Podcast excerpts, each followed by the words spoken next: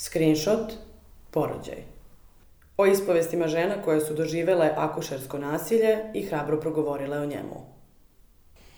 U poslednjih nekoliko dana, po ko zna koji put u ovoj godini, u žiži javnosti pojavila se tema akušerskog nasilja. Beogradski centar za ljudska prava, inspirisan pričom Milice Filipović, ali i pričama hiljada drugih žena koje su ovo nasilje proživele – Pokrenuo je kampanju koja ukazuje na problem akušerskog nasilja u Srbiji, a koja je potom odjeknula u medijima. Nakon objavljivanja videa koji je snimljen za potrebe kampanje, usledilo je i svedočenje Dragane Pandurević-Jovović o traumatičnom iskustvu koje je proživela u porodilištu, čime se tema još više usijala. I Miličina i Draganina priča, kao i video BG centra, pojave su od kojih vam se i grlo i stomak stežu i koje vas navode da pomislite Kako je moguće da se ovo dešava? Jer je ovo nešto što apsolutno niko nikada ne bi smeo da proživi. Nešto što se suprostavlja bilo kakvim standardima ljudskosti, ali nešto što one, nažalost, jesu doživele i spremne su da o tome javno govore. Kratak siže za one koji nisu ispratili šta se desilo u prethodnih nekoliko dana, a i duže. Pre tačno nedelju dana Beogradski centar za ljudska prava objavio je igrani video – koji prikazuje traumatično iskustvo indukovanog porođaja koje je obeleženo akušerskim nasiljem. Iako je u pitanju igrana forma, video je inspirisan istinitom pričom. Iskustvo Milice Filipović iz Šapca, koja je po instrukcijama medicinskog osoblja bila prisiljena da doživi pobačaj u WC-u ginekološko-akušerske klinike Narodni front prošle godine. U nadi da će ne ići na ikakav humani odgovor ove ustanove ili na bilo kakvo objašnjenje kako je moguće da se takva situacija desi – Milica se nakon svog iskustva obratila Narodnom frontu. Usled očigledne nezainteresovanosti ustanove za rešavanje ovog problema i odgovora da je u pitanju redovna procedura, Milica je početkom ove godine rešila da o svom iskustvu piše na društvenim mrežama, kao i da o tome govori za televizije Nova S i N1. Miličino svedočanstvo povukla je sa sobom lavinu drugih svedočanstava – U danima posle njene objave nizale su se ispovesti žena koje su doživele slične situacije u različitim bolnicama. Za njenu priču zauzela se i blogerka Brana Antović-Aleksić kao i već pomenuti Beogradski centar za ljudska prava.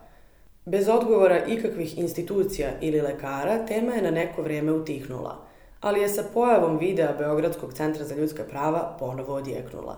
Sada, nekoliko dana nakon objavljivanja kampanje Beogradskog centra za ljudska prava, U medijima se pojavilo novo svedočanstvo.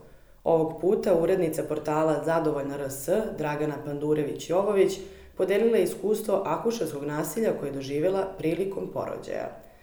Dan kada sam postala mama bio je najgori u mom životu. Reči su kojima je Dragana započela svoje pisano svedočanstvo o porođaju u tekstu za portal Zadovoljna RS. Nakon toga i Dragana je usmeno ispričala svoju priču na televizijama Nova S i N1, koja je sve samo ne priča koju bi i jedna žena želela da proživi ikada, zbog čega su u ovaj tekst ubačeni linkovi kako Draganinog teksta, tako i njenih i Miličinih usmenih svedočanstava, jer to je najbolje da čujete direktno od njih. Slušanje ovakvih priča je nešto što nikoga ne može ostaviti ravnodušnim, a pogotovo moram da istaknem žene.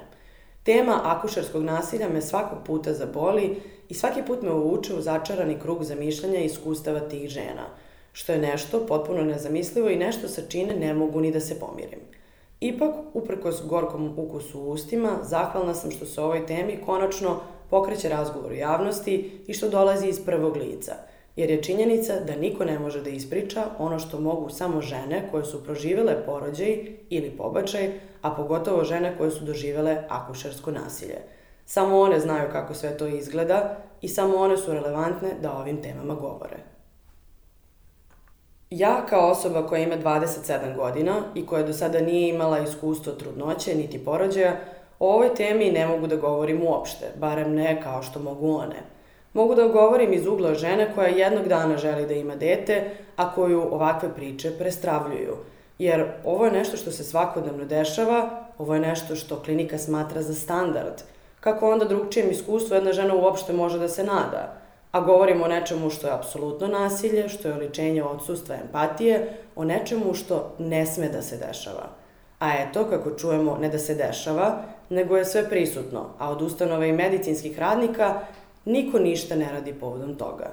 Niti se kroz bilo kakav kanal uopšte oglašava. Za njih je ova pojava praktično nevidljiva. Kada napunite 27 godina i kada ste žena, iako ste i dalje jako mladi, sugestivna pitanja o tome da li ćete imati dete ili ne, bilo da imate partnera ili ne, postaju redovna pojava. To je nešto što se podrazumeva, što društvo smatra da je u redu nametati, pa rečenice poput vreme teče, sada više nisi tako mlada i trebalo bi da počneš da razmišljaš, postaju ne baš svakodnevica, ali nisu ni mnogo daleko od toga. Čime god se bavila, što god u životu želela, naći će se neko ko će sugerisati da se približava to vreme, što je posebno degutantna tema, ali je povezana i sa temom o kojoj govorimo. Od žene se očekuje da je to nešto prirodno, što se od nje zahteva. A kakvi su uslovi u kojima taj život nastaje? To je normalno nebitno, jer sve će to proći kada prođe i porođaj. Samo da se malo stisnu zubi. Šta? Činjenica je da sam se ja prvi put sa tih istih 27 godina ozbiljno zamislila. Da li ja želim nekada da imam dete? Kada osvestiš da tako nešto želiš, počinješ i više da obraćaš pažnju na temu porođaja i da se u istom informišeš. Porođaj je zaista specifična i za mene, iz trenutne perspektive, jedna prilično strašna pojava. Ipak, on je takav kakav je, tačnije takav kakvim ga je priroda ustrojila da bude. Ali postoje i neke stvari koje priroda nije ustrojila, već čovek. A to je kako da se taj prirodan proces najviše moguće olakša budućim mamama.